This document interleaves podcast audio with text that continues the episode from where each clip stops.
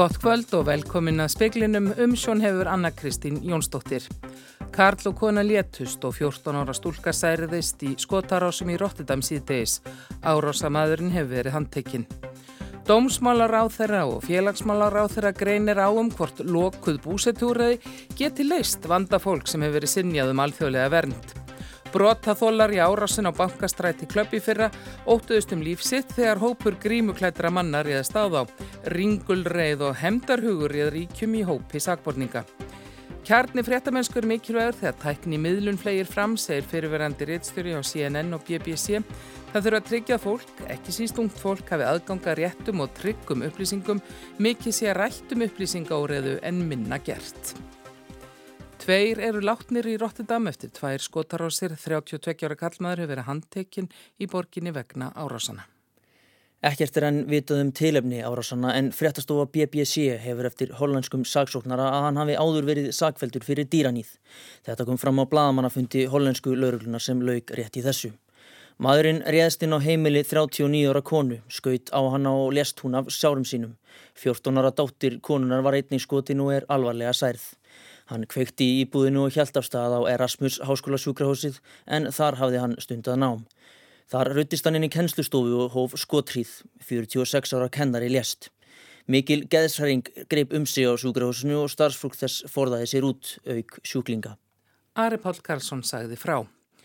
En og aftur byrtist ágreiningur innan ríkistjórnarinnar um málefni fólks á flótta. Félags- og vinnumarkasráð þeirra segir að lokuð búsetúraði get ekki leist vanda sem upp sér komin vegna fólk sem fengið hafi endanlega sinnjun um alþjóðlega vernd.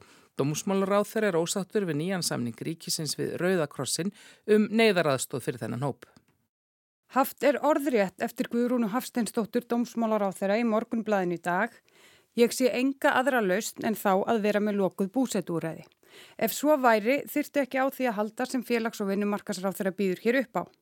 Þessu fólki berað yfirgefa landið og það er sérstakt að búin séu til úrræði fyrir fólk sem er að brjóta lög. Guðmyndur Ingi Guðbrandsson, félags- og vinnumarkasráð þeirra, segir lokuð búsetúræði ekki leysa vandan.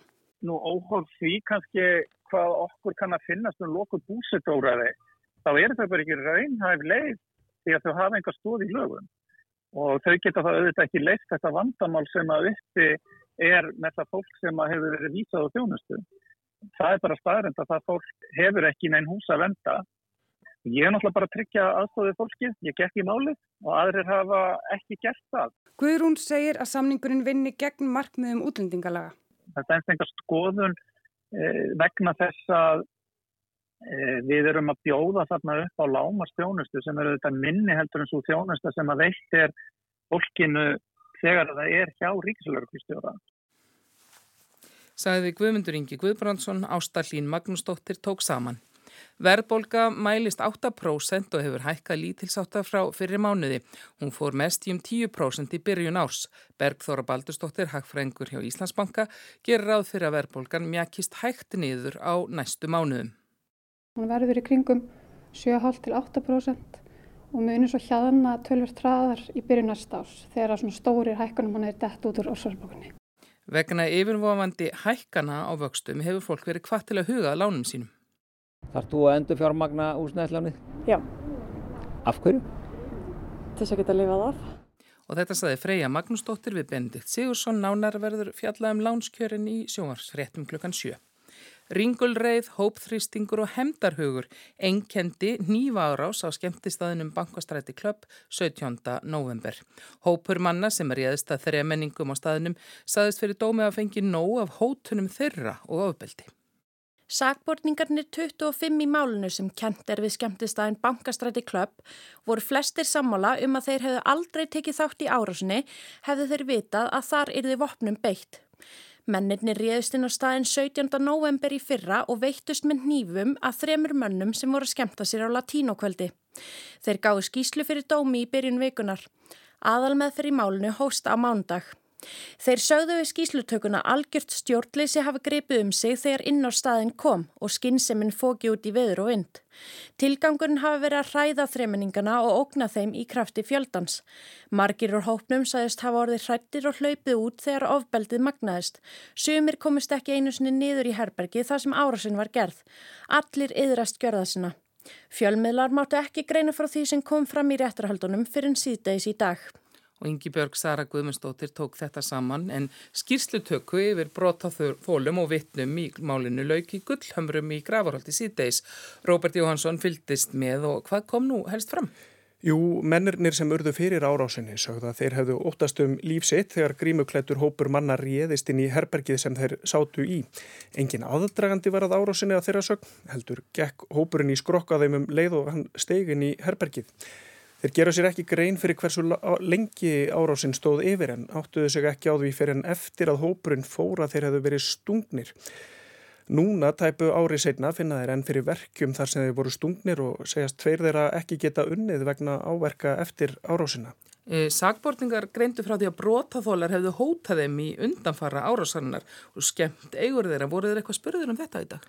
Já, en þeir sögðast ekki kannast við einar hótanir, ekki við sagborningana sjálfa, fjölskyldur þeirra eða vini, þá konust þeir ekki heldur við að hafa skemmt eigur nokkur af þeirra, en einn þeirra kannast þó við að hafa átt í einhverjum væringum við einn sagborninga. Það hefði þó aldrei leitt til neina átaka að hans sögn.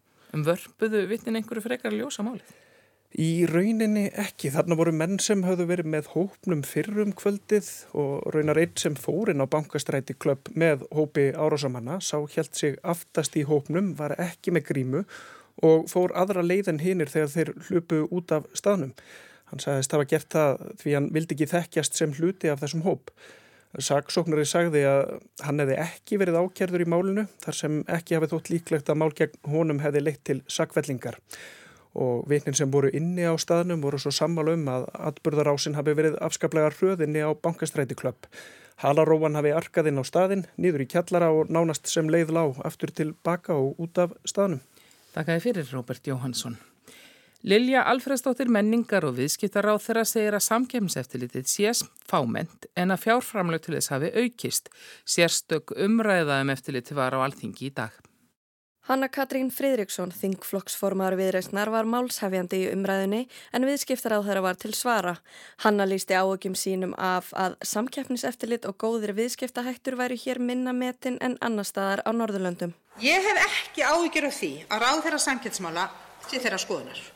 Og ég hef ekki áökjur af því að innan ríkistjóðunarinnar sé einhugur um að grafa undan samkeppniseftillitinu.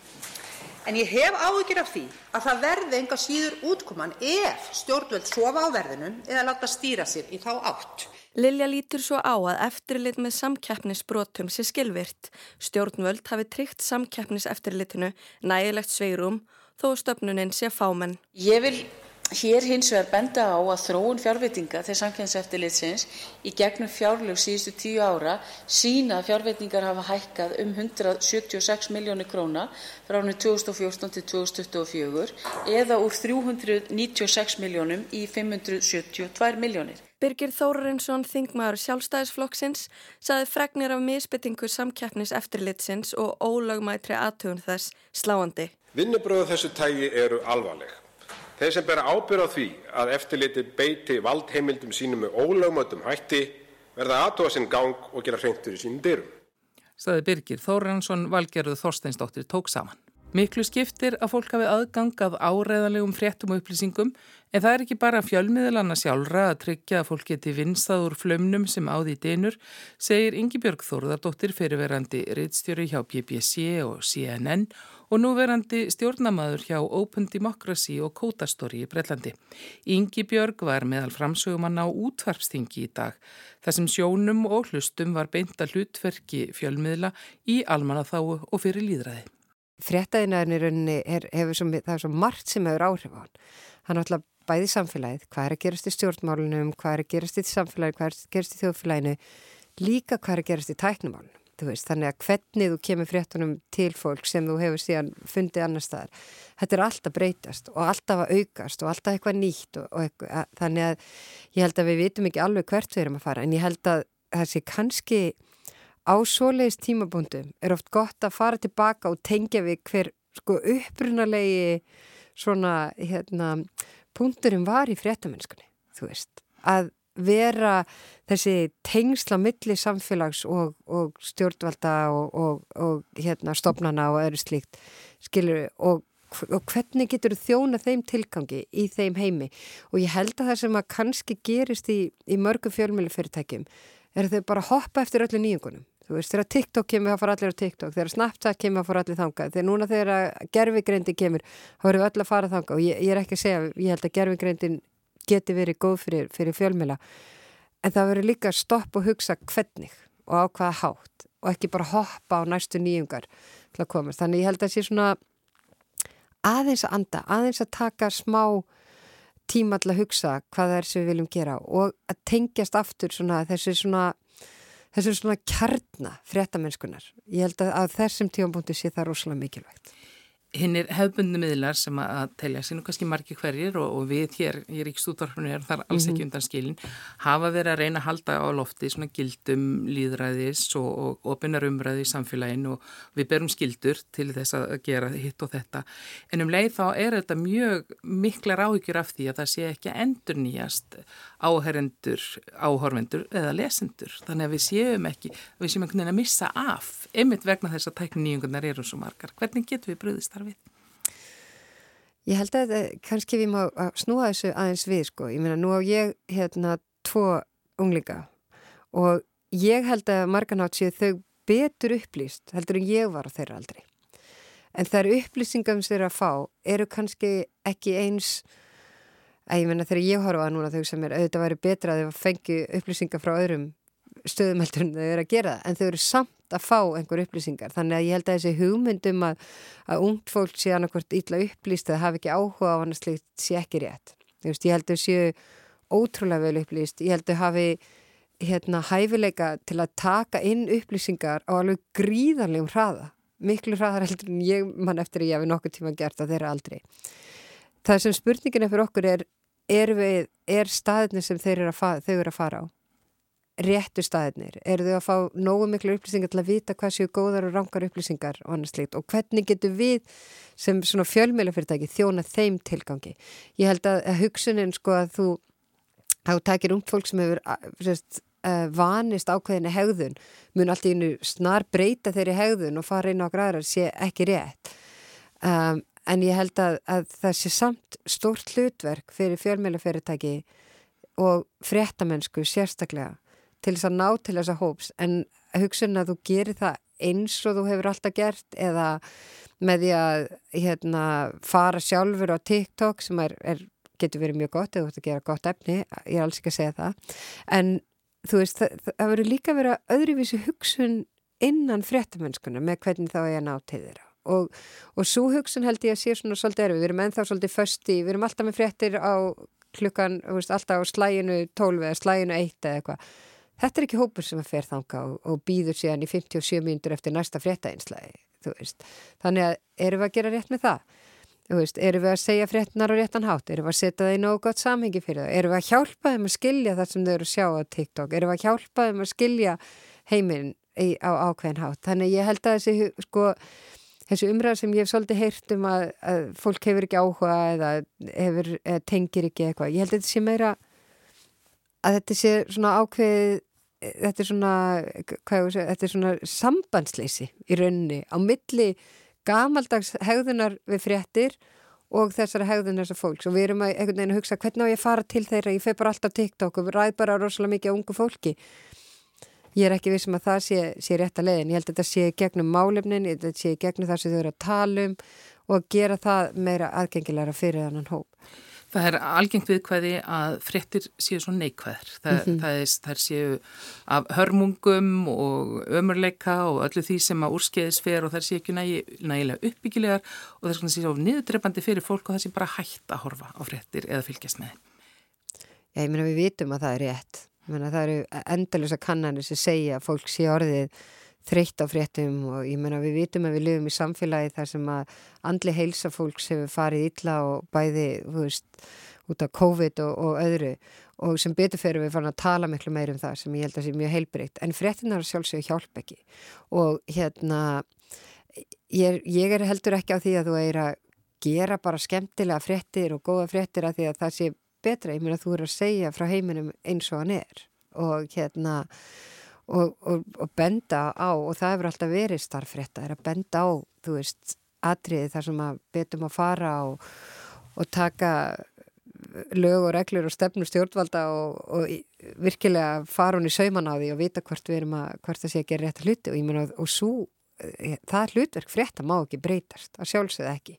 Ég, þú veist, þú getur ekki alltaf einu ekki talað um flóð út um allan heim eða skóarelda eða annars slíkt að því þú vilt ekki að fólki líði ítla um, en ég held að það sé líka leið til þess að, að finna svona að búa til ákveðnar um, ég ekki beint svona lausnir heldur að byggja upp þekkingu fólks. Þannig að það skilji þá betur. Að ah, ok, þetta er alltaf gerast út af þessu. Eða það er eitthvað, þú veist, þannig að þú, ef ég held að fólk næra skilja eins betur víðara samhengi þess sem, að, sem þessi hlutir er að gerast í þá er það auðveldur að heldur en þú sér bara hver, hverja katastrófuna fætur annari án þess að ná einhverju samhengi kringu það. Þannig að ef þú getur tekið flóðin og hérna skóaraldana og, og fellibilin og hugsa, ok, við vitum að það eru loftlagsbreytingar og þótt við getum kannski ekki gert þess að beinu tengingar, þá vitum við að það eru einhver tenging hérna. Þannig að ef þú ert búin að byggja þess að þekkingun og samfélagis, þá ferða að setja þetta í víðara samhengi. Og ég held að víðara samhengi hjálpi fólki. Og ég held að það sé hlutu sem fréttir er ekki að gera vel núna mikið talað um skautun og bergmálshella og sérstaklega í sambandi við svona þessa stafrænumiðlun fólk leiti sér upplýsinga það, til, það sem það fær tilbaka, það byggist á því sem það hefur ágert á undan og svona hvað er erum við eh, nægilega velvakandi kakvart þessu, við vitum þetta öll Já, þú hættir ekkert að hlusta á vinniðina eða þú veist hlusta fólki kringu þig og það er sama fólki að setja hluti inn á samfélagsmeilina sem þú ferð inn á og treystir þeim betur. Þannig að, að, að það er e, e, mun ekkert breytast. Þannig ég held að en ég held að það sé líka sko við tölum rosalega mikið um samfélagsmeilana í þessum áli en, en hérna Mér langar að benda að þetta er ekki bara þeir, þú veist, þegar þú hugsaður við, hvað googlum við ofta dag til dæmis. Kerfi hjá Google er ekki að gefa þér bestu upplýsingarnar, heldur er að gefa þér þær upplýsingar sem eru sérst, aðlægast þér best eða svona eru mest relevant við þig. Það er ekkit endilega bestu upplýsingarnar um það sem þú ert að googla. Það er bara það sem Google ákveður að þú munir skilja ákveðin hátt. Þannig að þeir eru líka að setja okkur í bergmannshellin. Bergmannshellin er allstaðar, hann er eina leiðin út úr því er fyrir þig að fyrir, sem einstaklingur er að vera með betra fjölme, fjölmiðla læsi vera með betri skilning á því að, það, að allt sem þú sér er kannski ekki veist, eins svart og hvitt og þess að það kemur fram. Þurfum við ennþá að hamra það, vita það ekki allir að við getum ekki treyst öllu eða við þurfum að reyna að vinsa úr þeim upplýsingum sem aðokkar berast? Ég held að kannski á, á Íslandi vita flestir það er, ég er nokkuð vissum að í bandaríkunum vita er það ekki Þannig að það eru staðir í heiminum þar sem að fólk fær bara ákveðnar upplýsingar og veit ekki betur en það sé bara heila og sannleikur. Ég, men, ég held að í vestrann ríkjum sé kannski meiri skilningur á því. En mandamáli er eins og ég hef sagt á þér að það er, rosalega mikið rætt um þetta en rosalega lítið gert. Og að mínu áldi þá er sagt okkur okay, fjölmjölandir eiga að gera eitthvað í þessu og fjölmjölandi segja byrju þetta er, er ekki okkar starfa að kenna fólki, þetta er, lítur að vera skólakerfið. Og skólakerfið segja við erum ekki við náðu miklar uh, aðstöðu til að gera þetta þannig að þetta verða stjórnveld skilju, í rauninni það sem verður að gerast til þess að leysa þetta er að allir þessir hagsmunnaðilar komið saman á einhvern hátt og ræði málið, þetta sé ekki sko verið að benda fingur á, á hérna mismunandi aðila heldur að sé að skilja að fjölmjöla ef þeir vinna með skólakerfinu sem fá aðstöð frá stjórnvöldum og, og þar kom einhver svona góð, gott streymi á milli þessar aðila, þá sé að þetta leysi þetta. Í augnablikinu erum við svolítið mikið bara að benda út fyrir og segja að þetta er, eitthvað, þetta er vandamál eitthvað annara. Þetta er það ekki og þetta er, þetta er sjálf, ég, ég er samfærið að þetta er ekki bara vandamál fjölmjöla, að sjálfsögðu ekki. Þetta er vandamál innan samfélagsins vegna þess að flesta rángu upplýsingar eða, eða misupplýsingar er ekki að koma frá fjölmjölafyrirtækjum, þeir eru að koma annar staða frá sagði Ingi Björg Þóruðardóttir.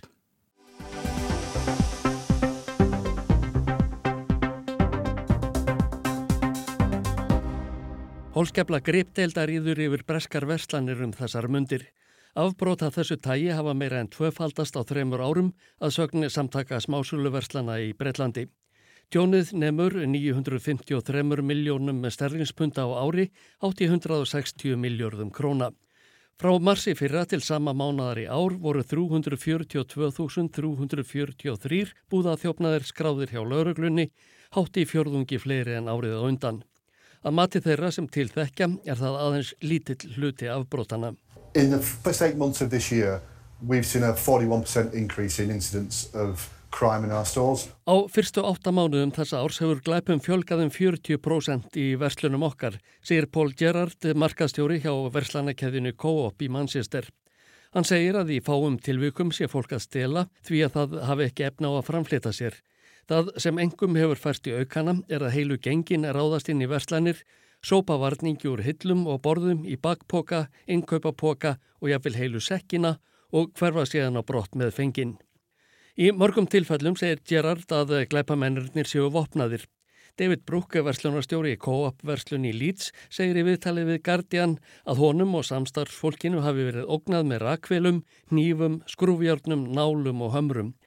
Ofbeldismennirnir verðist geta komist upp með hvað sem er, þeir hafi á brott með sér vörur að vermaði til mörg hundru sterlingspunda, kaffi, kjött, vín, þvottaefni, allt sem hægt sé að selja. Amelia Strattam, verslunarstjóri í Bristol, hefur verið við stjórnvölin í matföruverslun í sex ár. Hún segir að á þeim tíma hafi starfsaðferðir þjófana breyst heilmikið. Allt sé orðið skipulagðara en áður. Þjófarnir viti nákvamlega hvar hlutirnir eru sem þeir ætli að stela. Sumir séu jafnvel með lista með sér. Hún telur að upp sé komin stjætt manna sem hafi atvinna af því að stela úr verslunum. Í vel flestum verslunum í Breitlandi er kerfi eftirlitsmyndavila þar sem starfsfólkið getur fylst með þjófaflokkonum að störfum. Upptökunum er komið til lóreglunar. Við skráum upptökurnar inn á vef lóreglunar þar sem þær eru teknar til skoðunar, segir Amelia Strattam. Undir hælin er lagt hvort að það skilar einhverjum árangri þar sem yðurlega tekst ekki að bera kjensla á þjófana eða þeir hafa látið sig hverfa. Í umfjöllun við Economist segir að ekki sé raunhæft að bera ástandið eins og það er núna saman við síðustu ár. Verulega hefði dreyið úr þjófnaði í verslunum á COVID-tímanum og ástandið því í rauninni svipað það var áður en farsóttin skall á. Ekki eru til áriðanlega gögnum með hverjir eru að verki. Íðurlega er fullirt að fólk leiðist út í búðan nöfla af því að framfærslu kostnæðurinn sé að sliga það. Afbrótafræðingar draga það í Eva. Samtök dagvöruverslana eigenda sem í eru um 33.500 smákaupmenn segja að samkvæmt sínum gögnum sé sami hópurinn oftast að verki, fólk sem yðurlega á við áfengis eða fíknefna vandaða stríða. Verslana eigendur kvarta yfir því að lítið gags í lögreglunni þegar upplýsa þarfum búða þjófnaði. David Wilson af brotafræðingur segir að það er sér sínar eðlilegu skýringar.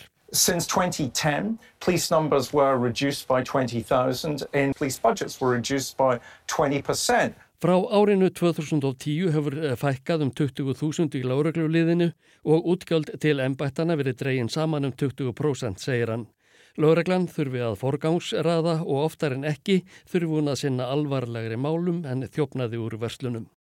Ásker Tómasson tók saman.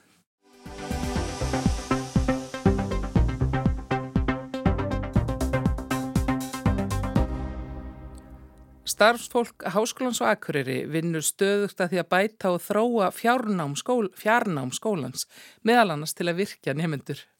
Það má eiginlega segja að hérna, upplifin nefnda er ennþá svo sama og var í gamla dag. Þeir eru mætti fyrirlistra, það er bara breytt miðlinn í dag. Veist. Í staðin fyrir það að þau þurfa alltaf að mæti tíma, geta, geta hérna, mæti tíma, þau mæga mæti tíma í dag, þau getur líka að horta á þetta í beitni útsundíku og þau getur að horta á upptökur.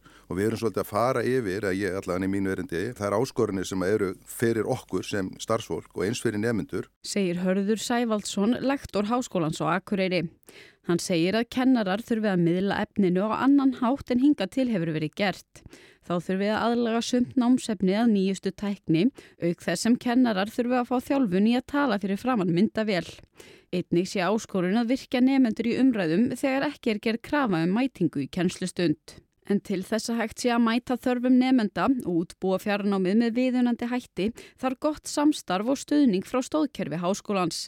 Þar kemur auðbjörg Björnsdóttir, fórstöðumadur kennslu og upplýsingatekni miðstöðar háskólans inn. Hlutverk hennar og kollega hennar í kennslu og upplýsingatekni miðstöðinni er að finna leiðir til að þróa sveianlega námið með kennurum og koma kennsluefni yfir á stafrænt form. Hún segir sérstaklega mikilvægt að huga því hvernig kennslurímin eru þróuð. Að því það hefur verið svo oft lenskan þegar þú ert eh, fjarnæmið svona í gamla daga það varst oft svolítið til hliðar í stofinu og varst ekki alveg hluta á námsamfélaginu.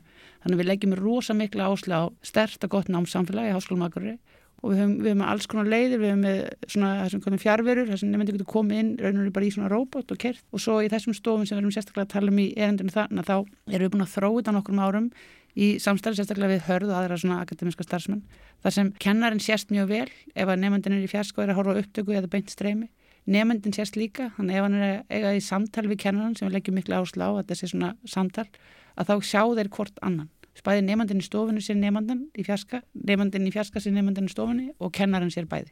Mm. og getur sko hort í staðan fyrir að vera alltaf svona að horfa til hlýðar bara hvað segir þið hann Húsavík eða þú veist í höfn og þá getur hann bara séðu, þú veist, hann horfið bara beint fram hann yfir. Hann að upplifin þeirra sem er að horfa á upptökuna, hvort sem er í live eða ekki, er að þau séu, sko, þau sjá alla stofn, þau sjá kennarinn, þau sjá hvernig hann bend á töflunni og kennarinn horfið fram hann yfir þegar hann er að spyrja spurninga. Auðbjörg segir að nefnundur og kennarar hafi góða reynslu af þessum kennsluháttum og að hún hafi tekið eftir breytingu á námsárangri. Þegar við erum að tengja nefnundur betur svona saman, alltaf við erum alltaf að virka þetta námsamfélag, að það dregur úr, þú veist, þú ert ekki eins einn og það hefur áhuga, áhrif á bara námsárangur, námsánægju, það hefur áhrif á það hvort þú hættir í námi, þú veist, eða átt félag í náminu, þú veist, þetta er bara þessi sama, sko, maður er mann skaman og það á bara mjög vel við í námi. Að við hefum gert, sko, við hefum skoðað brottfall eru oftast utanakomandi aðstæður, eitthvað í þeirra lífi, það er ekki, endilega skólinn það er hérna bara að hafa ekki tíma og hérna og svo þú veist þegar verður opaslega mikið að gera eða þú þekkir engan náminu, það er engin tenging að þá en þú veist, ertu bara hættur að mæta eða hættur að sinna þessu, en leður komin í einhver svona hóp og þekkir eitthvað og einhver sem er, svona, er að tjekka á þér eins og við erum að byggja upp í þessu námsamfélagi þá er minnið, það dregur úr brottvalli og pluss það að það er þetta bara, þú veist, það er ofta það að þú getur rætt námsefni eða þú getur talað um við aðra, það þetta bara dýbri skilning. Hörður leggur mikla áherslu á þessa kennsluhætti til að stuðla því að nemyndur geti styrt tengslanettið. Ég segi nú alltaf við sko, við kennum ekki námskið hérna tengslanett, það er áunnið og, og, og það, þetta fer, fara rosalega fáir einir í gegnum lífið og, og það, þú ert að búa til tengslanett með því að mæta hvort þú ert á staðnum eða í mynd því að þau sjá andliti á hvort öðru sem eru í tímanum og þannig að þau þekkjast. Það er afskaplega vermætt þegar maður fyrir á staði í lífinu að hafa félagsli tengsli og annað fólk sem maður getur deilt með skoðunum því að yfirleittinu búið að rekast á flesta hluti áður og prófa þá. Svo kemur þú, maður segir, kannski blöytur bækva eirun af reynslu en með þekkinguna bóklega þá getur þau heyrt í einhverjum sem að þú þekkir. Hann er jafnvel eldri þú sem verður náminu eða hefur starfsinslu. Hörður segir mörg tækifæri fólkin í því að skólar tilengi sér og innleiði gæða fjarnám. Skólarnir geti með því stækkað, elvst og dýfkað námið. Þetta býður upp á heilmikla samminu líka. Ég get verið að samkenna námskeið með Háskóla Íslands eða, eða með Háskóla Sittur í Vestfjörða eða með Háskólanum Reykjavík og við höfum gert hellinga því. Já og sveianlegt nám sko er þetta, þú veist þetta er líka stórt mál, þetta er sko jafnbrettið til náms að fólk þurfa ekki að flytja til Reykjavík til að fara í nám, það getur farið í nám þótt að sem er fjölskyldu og í vinnu og getur ekki námslán, þetta er, veist, þetta er ekki bara elitan sem á að fara í háskólanám á Íslandi, það er allir ekki að fara í háskólanám og hluta þessu er að bjóða á sögult nám er að fólk geti sótt sér nám. Auðbjörg og hörður sammælast þú um að þrátt fyrir að þróun fjarnáms sé af hennu góða eigi staðarnám ekki eftir að heyra sögunni til. Þú veist, eitt útlökar ekki annað sko. Þannig að þóttu svo með opbúslega gott fjari að sveilnám, það þýðir ekki að staðnámi verði verra. Alls ekki. Það getur bara orðið mun betra og getur orðið mun dýbra og þegar fólk er svo hittast eftir að búa að vera kannski, þú veist, í svona online, að þá er það sko, verður svo, svo gaman að hittast, það er svo gaman í lótum, það er svo gaman að gera eitthvað. Í dag hófst mentakvika, árlegur ástefna mentavísindasviðs Háskóla Íslands. Þar kemur fagfólk saman og kynir það sem er efst á baui mentavísinda hverju sinni. Á ráðstefninu munu hörður og auðbjörg ræða þessi mál.